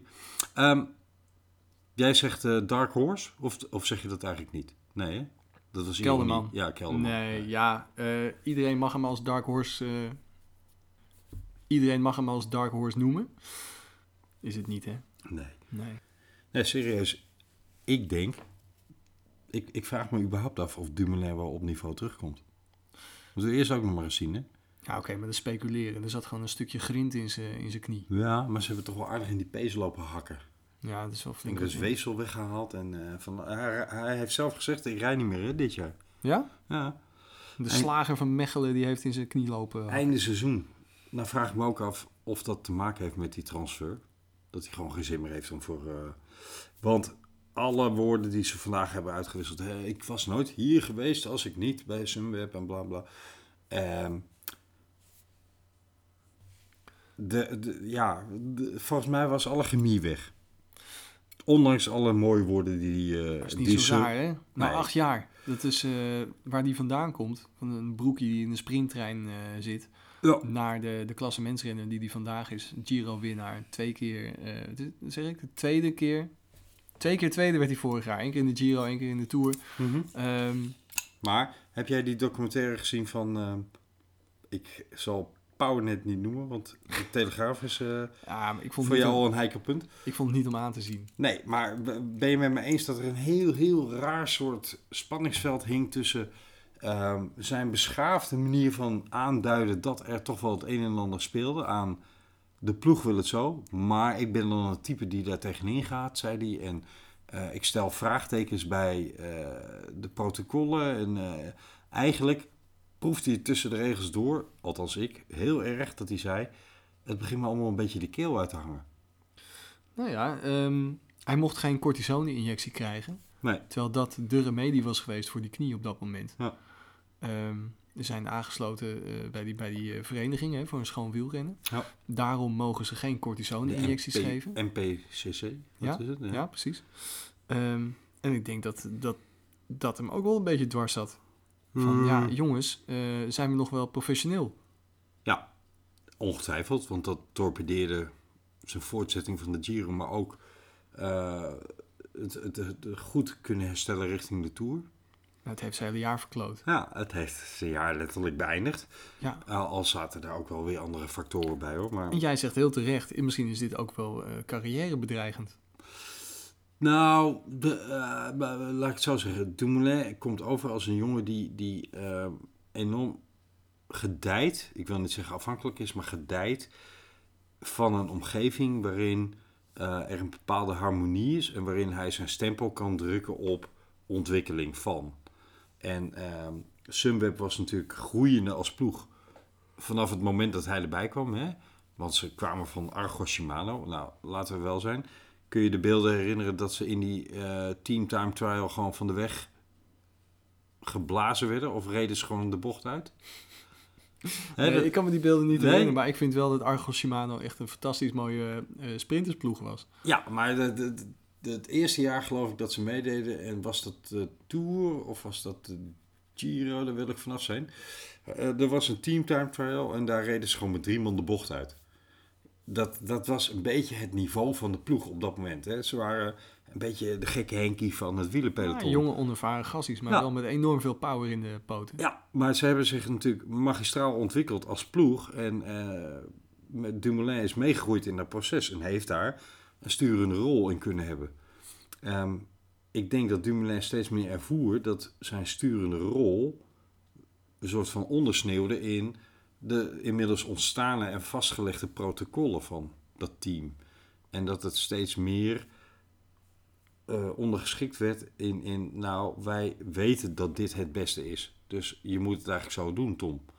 En dat hij toch iets meer wil kunnen freewheelen en iets meer inspraak wil kunnen hebben en iets meer zijn zeggenschap erin wil kunnen En ik hebben. kan me ook wel voorstellen dat een ploeg na acht jaar gewoon minder eh, snel ontwikkelt.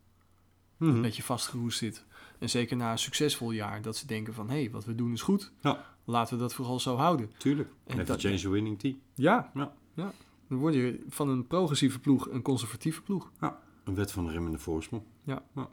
Maar ik, ik, ik merkte gewoon ehm, tussen alle eh, eh, woorden die er vandaag over en weer uitgewisseld werden, dat Dumoulin ook wel aangaf van, joh, het boterde eigenlijk niet meer zo. Eh, niet met, met Visbeek en niet met ehm, het management van eh, Sunweb. En hij had het over, het voelt als thuiskomen bij Jumbo-Visma. Heeft hij daar in de opleidingsploeg gereden? Ja, hè? volgens mij wel. Toen het nog Ah. Rabo was. De Rabo Development eh heeft hij gereden, dacht ik.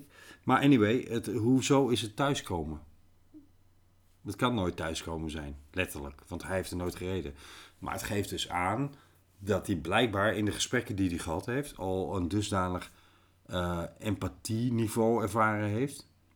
En een betrokkenheid bij hem als coureur... die hij bij Sunweb blijkbaar gemist heeft. En dat hij dat bedoelt met thuiskomen. Dat wat Sunweb voorheen had... en waar hij dus zijn ei in kwijt kon... dat is blijkbaar verdwenen. Voor hem in ieder geval. En eh, hij ervaart dat nu bij, eh, bij Jumbo-Visma. Nou, wat we in een van onze eerdere podcasts al zeiden. Eigenlijk is Jumbo-Visma een beetje het eh, Sunweb 2.0. Toch? Zei niet dat het Ineos 2.0 was? Eh, ook. Dus ze nemen gewoon de best of both worlds. Ja, eh, Sunweb heeft natuurlijk ook heel veel afgekeken van, van, van Sky. Ehm, en en Jumbo-Visma is daar eigenlijk ja, wat later mee begonnen. Dus die pakken de elementen die daaruit goed werken, voor zover bekend. Maar je maakt mij niet wijs met een aantal Nederlandse eh, sportief directeuren bij Ineos. Hè, zoals Servaas, Knaven en zo. Ja, het is een, een bekend geheim in een peloton dat er geen geheimen zijn in peloton. Iedereen weet ongeveer van elkaar wat ze aan het doen zijn. Dus ik denk dat Maar ze lullen er niet over. Nee, naar buiten toe. Hè? Dat is de, de Ja. om, eh, omerta. Maar ehm, het is wel bekend onderling. Denk het ook. Maar goed, eh, ja, Jumbo-Visma was vroeger natuurlijk een Rabo-ploeg. eh, super conservatief. Eh, alleen maar op zoek naar klassementsrenners. Dat hebben ze onlangs eigenlijk de laatste paar jaar van zich afgeschud. Ja. En zijn ze eindelijk weer een, een progressieve, vernieuwende ploeg geworden. Ja, vernieuwend. Dus inderdaad, wat je zegt, ze nemen wat, wat systemen over Ja. van andere ploegen die ze zien. Ja. Ehm, dus ze doen het met, met groot succes, als je het mij vraagt. En het fantastische is dat ze goede jonge talenten halen, ook van, vanuit het buitenland. Ja. Niet alleen nog maar kijken eh, met telegraafogen naar alleen maar jonge Nederlandse eh klassementsmannen die de Tour moeten gaan winnen. Paulus bijvoorbeeld, hè? Die eh, nu de Vuelta gaat rijden. Ja. Dat is echt een opkomende gast. Maar wat mij opvalt bij, bij Jumbo-Visma is dat een, een soort van discrepantie zit tussen eh, de ontwikkeling van die ploeg als geheel en, laten we even zeggen, de oude meuk aan, aan ploegleiders die ze hebben. Frans Maassen, Theo de Rooij, allemaal oude Rabobank jongens. Eh, Jan Boven. Ehm, en die, de, ik heb wel eens een podcast beluisterd waarin ze die, dat proces bespraken van hoe dat eh, allemaal moest veranderen. En hoe de kliekjes van Rabobank opengebroken moesten worden. Ehm, ik vraag me af of deze ploegleiders nog lang bij die ploeg moeten zitten. Ik denk namelijk dat deze ploegleiders niet het niveau hebben dat die ploeg volgend jaar nodig gaat hebben. Het zou kunnen, ja. Wie gaat er binnenkort eh, stoppen? Als het aan mij ligt, Theo de Rooij. Als eerste. Ja? Ja, met respect voor wat hij betekend heeft voor het Nederlands wielrennen. Maar laat hij mooi op een hoogtepunt stoppen nu. En eh, ja, ploeg doet het goed. Ik denk dat hij te voorzichtig en conservatief is in zijn... eh, wat ik tenminste in, in de media zie. Hè. Een beetje een dinosaurus. Ja, ja, ja. Hoe oud is die? Mm, nou ja, hij was coureur in de jaren 80, Oké, dus die is nu tegen de 60. 50 in ieder geval. hè. Of ergens daartussen. Ja. Nou, ik denk tegen de 60. Maar ik heb hem in ieder geval nog nooit op een spannende uitspraak kunnen betrappen. En dat, dat, dat is één ding. Ik bedoel, Ten Hag is ook geen groot communicator, maar blijkbaar toch een goede trainer voor Ajax. Nou, misschien is de Roy wel eh, een heel slecht spreker, maar toch een goede teammanager voor eh, Jumbo-Visma. Maar ik vermoed niet dat hij de grote zwengel aan het rad van succes is. Jij wel? Nou, hangt er vanaf. Ja, als er gewoon in één keer een, een supercoureur voor je gaat rijden die eh, de Tour wint, ja, dan... Is eh, het dan zijns ondanks of, of dankzij hem? Nou, daar valt altijd over te speculeren. Hè? Hm. Maar je hebt wel dan de schijn mee. Maar kijk, volgend jaar heb je de kans dat het een Mo, uh, Flowbistar Vlater eerste klas wordt. Dat je drie toppers in je team hebt en geen of, of nauwelijks aan podium rijdt. Of dat je inderdaad drie toppers weet uitspelen en het ongelijk van Mobistar bewijst, omdat je het tactisch wel weet uitspelen. Kijk, uh, Ineos en voorheen Sky heeft eigenlijk altijd de massa gehad. Wiggins was een jaar heel goed in vorm. Dan wel niet medisch begeleid heel goed in vorm. En daarna hadden ze gewoon een, een supertalent in de vorm van Froome. En daar zat niet zo heel veel tactiek achter. De, de meest briljante tactische set die ik van Ineos gezien heb, is Finestre in de Giro. Ja, die was geweldig. Ja. Uh, ja. Maar voor de rest hadden ze gewoon een enorme voorsprong. Voor de rest was... niet. Alle, alle Britten, echt alle Britten die aan duursport deden, die wonnen alles. Mhm. Ten tijde van de 2012 uh, London Ja. Games, Olympic Games. Ja. Er is er gewoon zoveel geld in gepompt door die Britten om uh, die... Ja, Nou, er is wel meer gepompt, behalve geld. Het begint met geld. Zonder geld kun je weinig andere mooie dingen pompen. Kun je ook geen eh, de, piep ping kopen. Ja, nee, maar de, al, de Britten wonnen gewoon in één keer alles. Ja. En sindsdien hebben ze, hoe vaak de Tour gewonnen? Zeven keer? Ja? Zes keer. Nee, eh, zes van de laatste zeven. Alleen Ja. Ni- Nibali eh, zat er tussendoor. Ja. Ja. Ja, omdat Froome toen zijn, eh, zijn knieën brak of zo. Ja, Hij viel. hij viel toen Hij viel met hard. Contador. Hè? Ja. Ja. Maar anyways, veel tactisch meesterspel hebben ze niet hoeven doen. Dat klopt. Ja. Het was namelijk gewoon een soort US Postal in repeat. Het was eh, een trein op kop, rammen maar. En op het laatst demareert eh Froome. Nou, ze hebben natuurlijk heel veel eh, tactische meesterzetten in de media gedaan. Ja, dat wel. Ja, Dus maar die Dave Brailsford best wel, best wel aardig in. kijk, dat is dus wat ik aanduidde met... hoort hoort de, Theo de Roy daar nog thuis, ja of Mm. nee?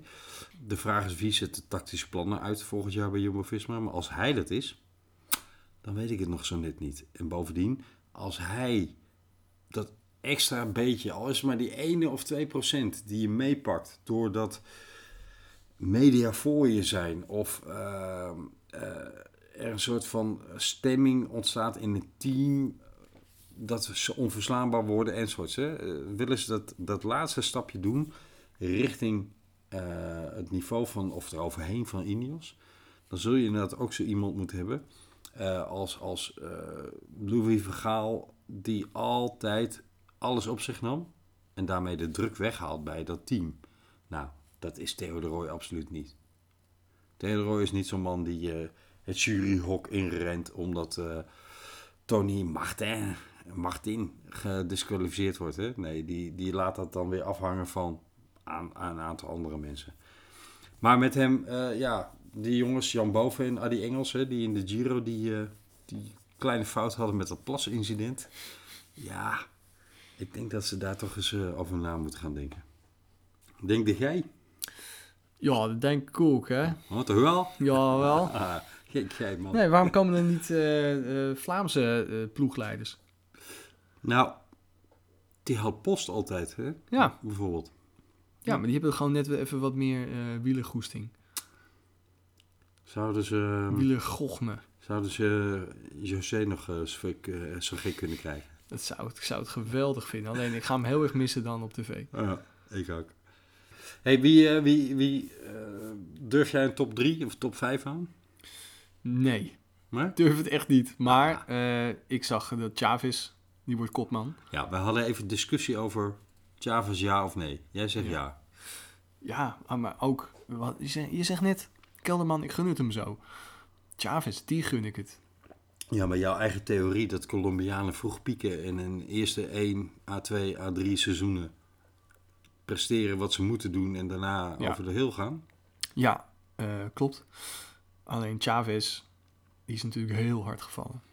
Dus het begint eigenlijk Een opnieuw. paar keer zelfs heel hard gevallen. Dus ja, dit- hoe lang is dat geleden? Twee jaar dat Mhm. hij viel? Ja. Dat hij zo hard in, eh, in een afdaling in een bocht, vol op zijn schouder, brak zijn schouder en, en wat al niet. Die heeft daar heel lang voor moeten eh, revalideren. Ja. Ja. Maar jij ziet hem wel, wat, wat zie je hem doen? Ik vind het niet de typische Colombiaan eigenlijk, Chavez. Ja. Misschien ligt het aan zijn persoonlijkheid. Je draait eromheen. Ik vroeg je wat zie je hem doen.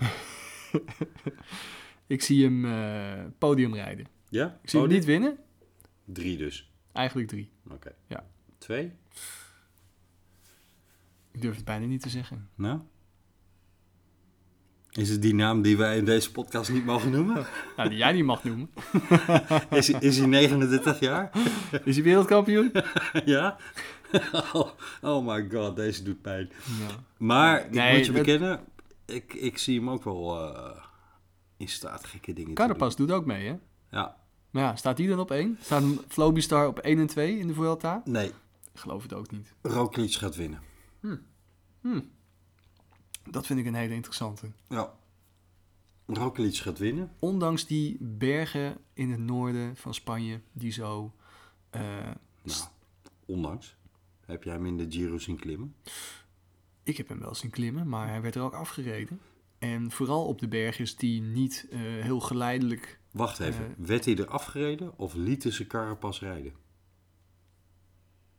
Mm, allebei. hij, hij allebei heeft, één- hij heeft natuurlijk. één keer moeten lossen en toen was zijn verlies iets van 20, 30 seconden. Ja. En voor de rest, en dat was een slechte dag, voor de rest is hij er door de andere GC-man in de Giro toch niet afgereden.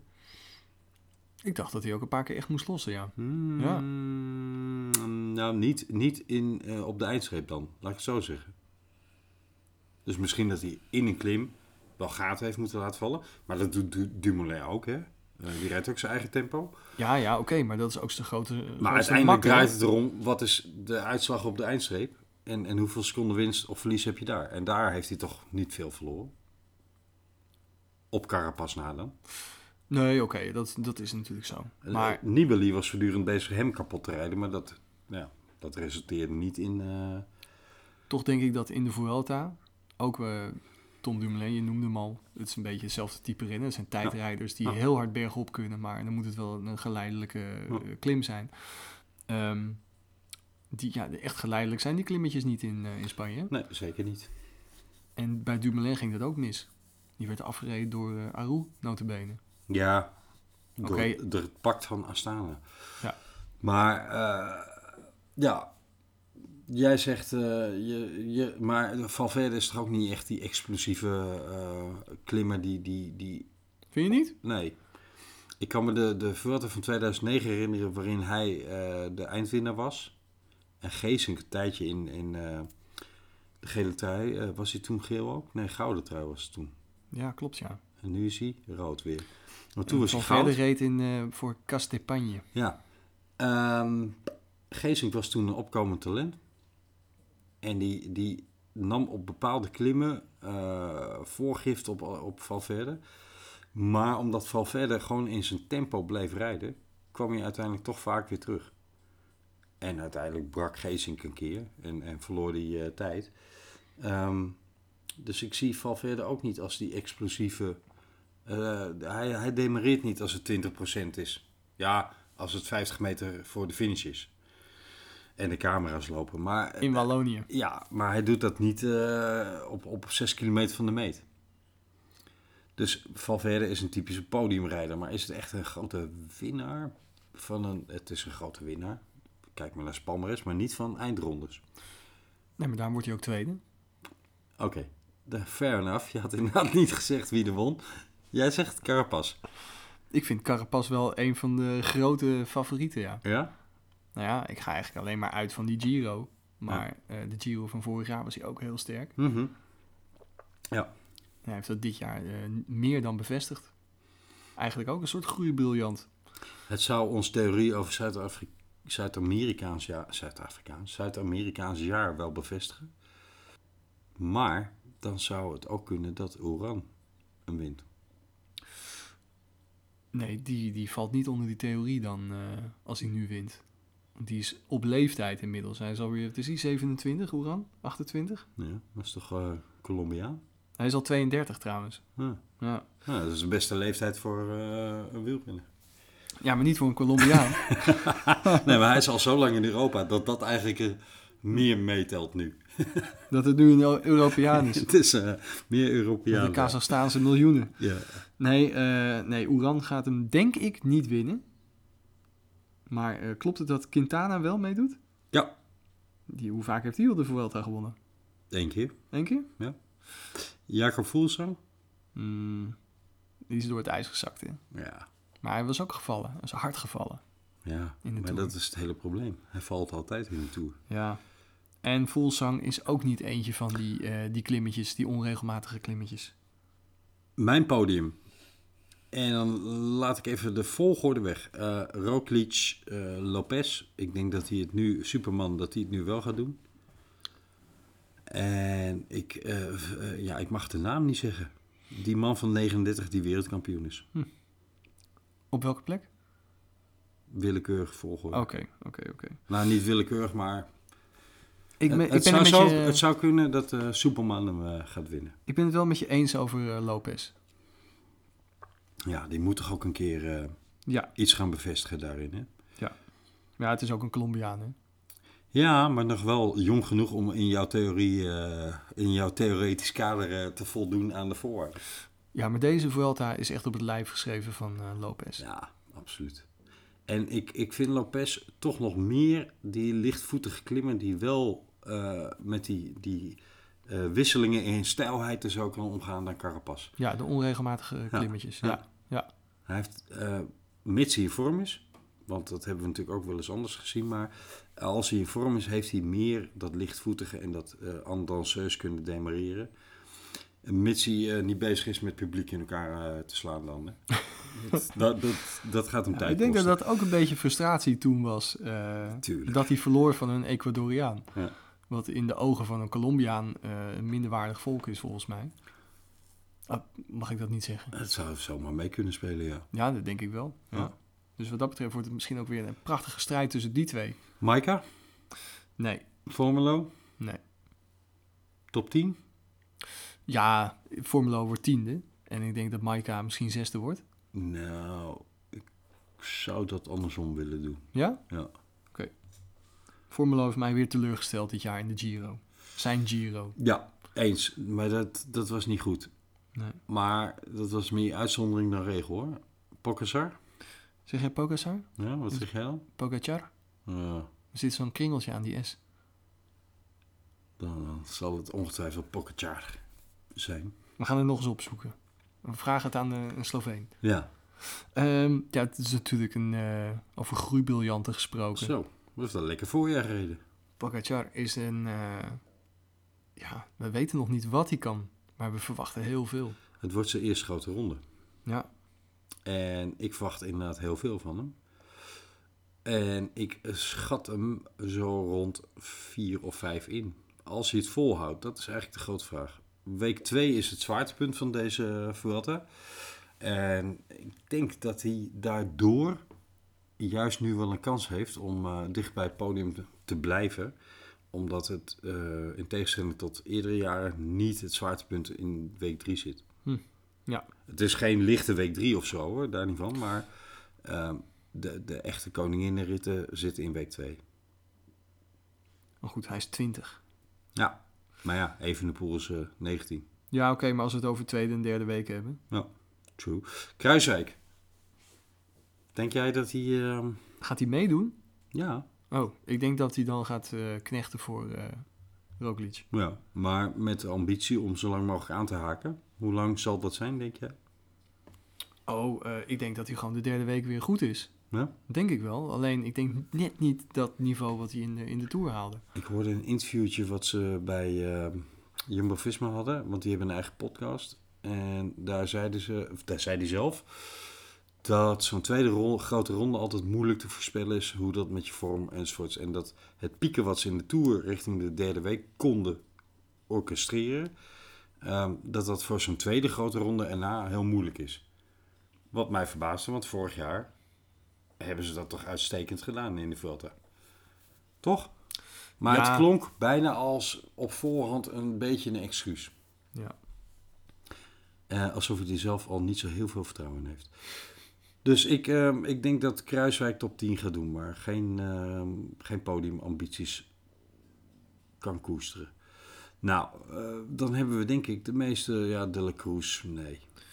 Nou ja, heel team Ineos hebben we helemaal niet, eh, niks over gehad. Keegan Hart, nee. Zijn dat eh, de grootste mannen van Ineos deze Vuelta? Ja, Ja, oké, dan gaan ze niet zoveel klaarspelen. Hoewel De La Cruz, die heeft wel in het verleden nog wel eens aardig gereden in de Vuelta. nou, is, is, is dit jaar echt helemaal niks aan doen. Nee, Helemaal niks. Oké, dat is ook alweer drie jaar geleden dat hij Ja. top 10 reed. Wat, Ehm, wat, eh, wat mij betreft een dark horse is Aru. Want hij kwam er in de Tour niet aan te pas. Maar je kon wel zien dat hij, dat hij terug in een bepaalde vorm aan het komen Die zit in de ploeg met Pogacar. Ja, Dus dan moeten ze of gaan kiezen, of ze hebben twee kopmannen. ik denk dat ze, dat ze dat laatste gaan doen.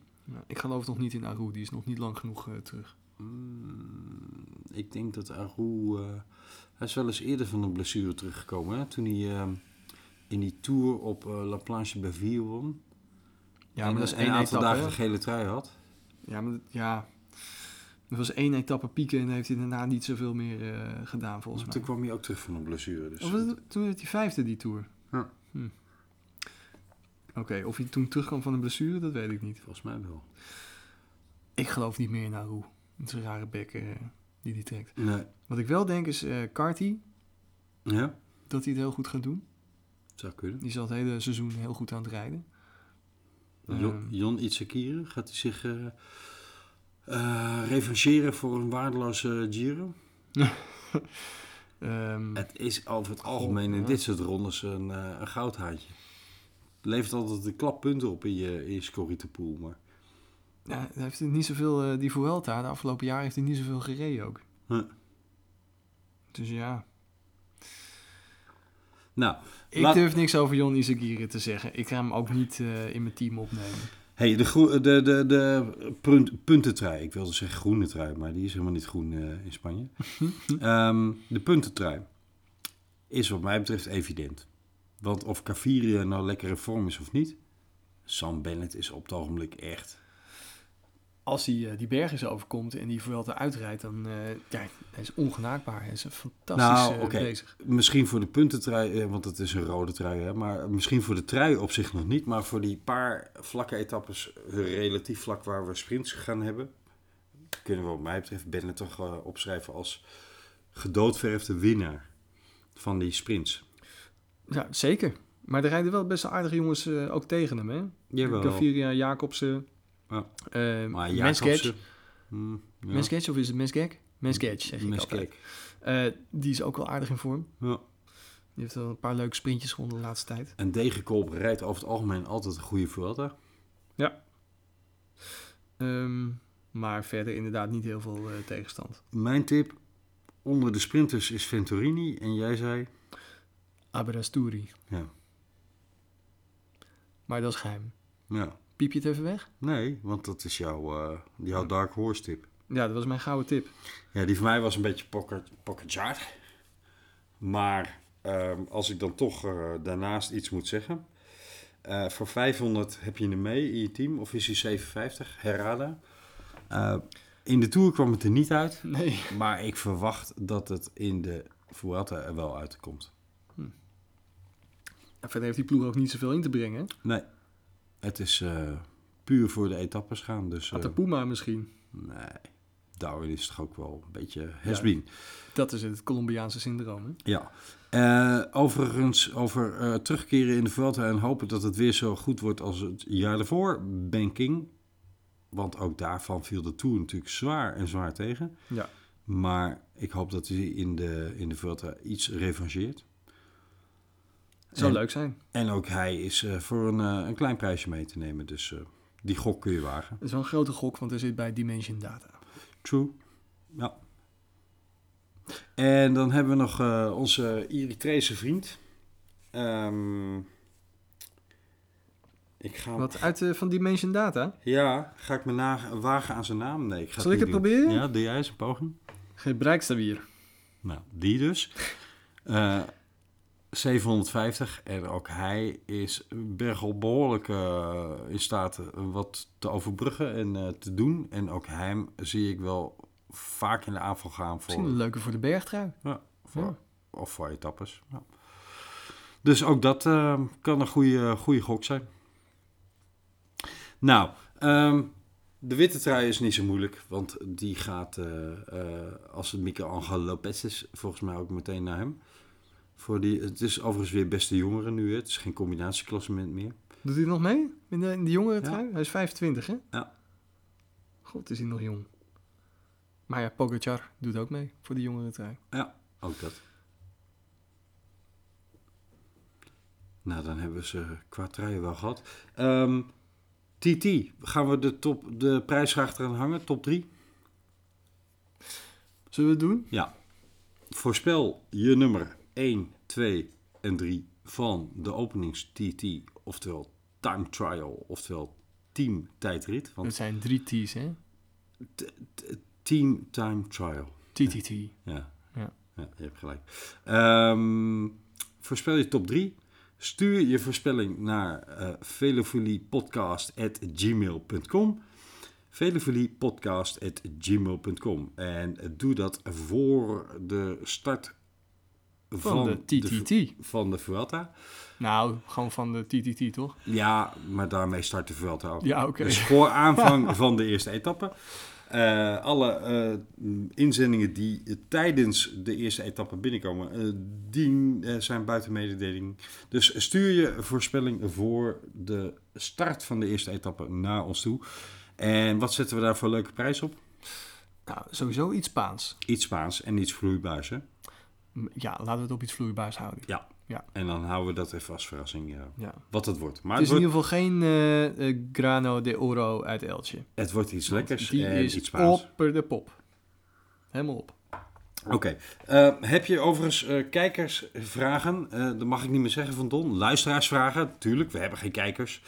Maar heb je een luisteraarsvraag? Wil je iets weten op medisch vlak ten aanzien van de koers voor dokter Anne van dokter Anne? Um, of heb je gewoon een vraag aan Don over materiaal en jelletjes? of heb je überhaupt een uh, vraag, bijvoorbeeld of ik wat uh, meer mijn kop kan houden? Dan stuur je dat op naar velofiliepodcast.gmail.com. je kunt ons ook vinden op Twitter, velofilie. En ook daar kun je je vraag natuurlijk stellen. Twitter, velofilie. En ja, wij zijn, wij zijn erbij deze foto. Zeker weten, ja. ja. Moeten we niet nog een prijs uitreiken?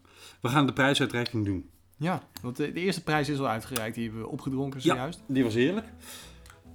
Voor Michel Lakerveld, die de voorspelling van de afsluitende sprint op de Champs-Élysées in de Tour goed had, hebben wij uh, iets lekkers. En het komt uit Italië. Het is een, een Grani Antici. Heel toepasselijk voor de Tour. Van Birra Moretti. En dat is een Grand Cru. Michel, de fles staat. Ik heb hem in mijn handen. Het is een hele mooie fles, Michel. Het is een mooie fles. Klassieketje. Het zou ja. bijna wijn kunnen zijn. Zonder hem open te maken. Ja, hè? Maar die, uh, die staat uh, voor jou klaar. Die komt naar je toe. En um, dan hebben we onze grote winnaar van de, uh, de Vuelta-pool, wil ik zeggen. Oude Dibbes. Daan, Oude Dibbes, won de Tourpool. En dat deed hij met overmacht en kunde. En uh, we hebben besloten dat we daar iets uh, lekkers en iets Frans aan vastplakken. Daan, voor jou komt er een mooi flesje Calvados naar je toe. Ik dacht dat het Spaans was. Calvado. Maar is het niet. Uh, Calvados. Het is Calvado. Nou, er zit wel een hoop overlap tussen Frankrijk en Spanje. Ja, maar dit is Noord-Frankrijk. Ja, Dat okay. vlak onder Le Havre. Misschien hebben ze het wel gejat. Het zou kunnen. Maar het is in ieder geval Frans. En... Uh, we weten dat jij uh, houdt van de lekkere dingen wat betreft spijzen en dranken. En uh, we hopen dat je dat kunt gaan waarderen en dat we dat wel samen met jou kunnen doen. Gefeliciteerd nogmaals Daan. Wij hebben weer genoten van de voorbeschouwing. Hopelijk jullie ook, beste luisteraars. En we zijn er snel weer bij. waarschijnlijk zo rond de eerste vier of vijf etappes van de Vuelta. We gaan er een stuk of drie maken tijdens Vuelta, denk ik. Ja, ik ga, ik ga vrij nemen. Toch? Ja. Gaan we doen. Dank voor het luisteren. En hasta la próxima. Hasta la próxima.